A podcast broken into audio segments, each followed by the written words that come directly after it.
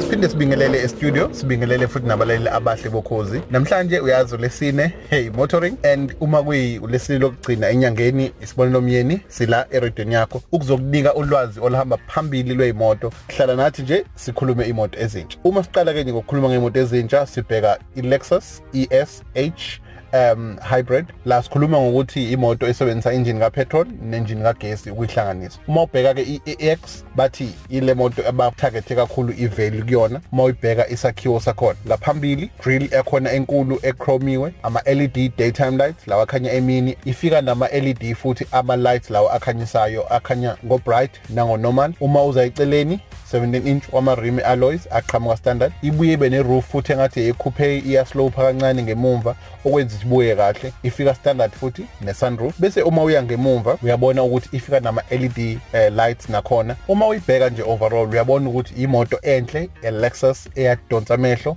and inesizotha futhi. Uma usungena ngaphakathi yila ubona khona ukuthi ulexus awukhathanga lutho ukwehlisa i-specs sale moto ibe i-ex ngoba ifika ne-leather ama-seats angaphambili ayafudumala angaphambili futhi asebenza ngogesi bese ubheka ama-door pads akhona akhavwe i-leather u-dashboard ukhavwe i-leather. Into efika nazo 8 inch screen esikhombisa i-radio esikhombisa ne-information yemoto. Steering sakhona si-multifunction ifika ne-cruise control. I-space ngaphakathi abantu abawu-5 bahlala ngokukhulu kunethezeka ifika ne-climate control.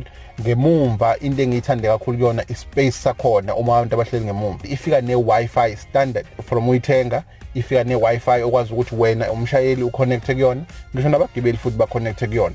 Engicabanga ukuthi kukhombisa ngempela ukuthi ubuchwepheshe buhamba phambili. Bese-ke siya kwinjini yakhona 2.4 4 cylinder edonsa ngaphambili engishilo futhi ukuthi ihlanganisa nogesi okwenza ukuthi ibe namandla awu-160 kilowatt. Isuka ku-0 iya 100 in 8.9 seconds igcine ku-180 kilometers per hour. Ukudla kwayo upetrol kuncane kakhulu ngoba phela injini kagesi iyasizana nenjini kapetrol. And i-lexus ungacaba mhlawumbe ukhokha imali ecishe ibe kwimiliyoni cha. Lena nje ifika iwu-774000 for 7 years or 105000 kilometer. Yonke into ehambisana nemoto i-service i-warranty yonke into i-covered kwi-maintenance plan yakhona. So isifikile emzansi. Okunye-ke ebengicela ukuthi ngikubheke kakhulukazi uma ngibheka ukuthi kuqala unyaka abantu bathenga iy'moto kumele siyinakisise le ndaba. Kungenzeka ukuthi uthenga imoto and uma ungazi uyifake enkingeni ngoba ulwazi lwakho lungekho kahle. Ake sibheke la. Izinto engicebisa zona ukuthi uma uthenga imoto kumele uyibhekisise. Okokuqala uma uthenga imoto e-used enza sure ukuthi leyo moto leyo ine warranty. Ngoba uma ukuthi iba nokufa uma iphuma esitolo ungenayo iwarranty awukwazi ukuphinda esitolo yothi abakulungisele ngoba bazothi bakudayisele ingenayo iwarranty. So enza sure ukuthi iwarranty clear. And iwarranty yakhona kumele ikhave into enjengenjini ugearbox into ze-electrical nento ze-suspension. Ibe clear futhi ngokuthi ikukhokhela nge-percentage ye-amount yokulungisa noma ikunika isamba semali esithize uma kufile. Ubheka kwipolisi yakho ukuze ube clear. Okunye futhi uma uthenga imoto entsha enza sure ukuthi uyakwazi ukuthi uye kwama-dealership afanayo um kodwa ey'ndaweni ey'hlukene ukubona ukuthi bangakunika yini inani elingcono kunalo munye benze baqhudelane ukuthi bakudayisele imoto oyifunayo. So-ke ngicabanga ukuthi into ezokusiza leyo ngoba uzothola i-discount engcono kwenye i-dealership ubakhomperishe ukhumbule thenga imoto oyifunayo hhayi imoto bona abafuna ube nayo ngoba uzongena ku-dealership ufuna imoto encane next thing usuphuma nemoto ongakwazi ukuyi-afforda ngoba bona belokhu beyokuphusha kuyona. Bambelela emotweni kodwa ufuna ukuyithenga. Okokugcina futhi bakwethu uma uthenga imoto thenga imoto kwi-dealership owaziyo ukuthi i-reputed ihamba phambili. Kakhulukazi kuma-dealership lawa abdayisa eyakhona entsha.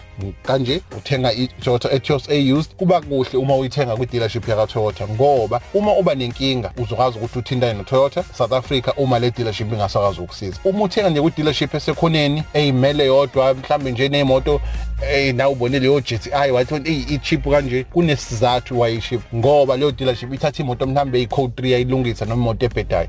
Then bese iba basenkingeni and akekho umuntu okwazi ukuthi abatshene ukuthi benze izinto ezithize so ke ngiyacabanga ukuthi abantu kumele bayibhekisise leyona iya kwimoto deals kuwebsite yethu www.imotoonline.co.za noma usibhalele uWhatsApp ku-065 914 5499 065 914 5499 sibhalele WhatsApp uzokwazi ukuthi usithole. Facebook sibonelo myeni imoto online ukhumbule futhi Instagram imoto media Twitter imoto underscore online.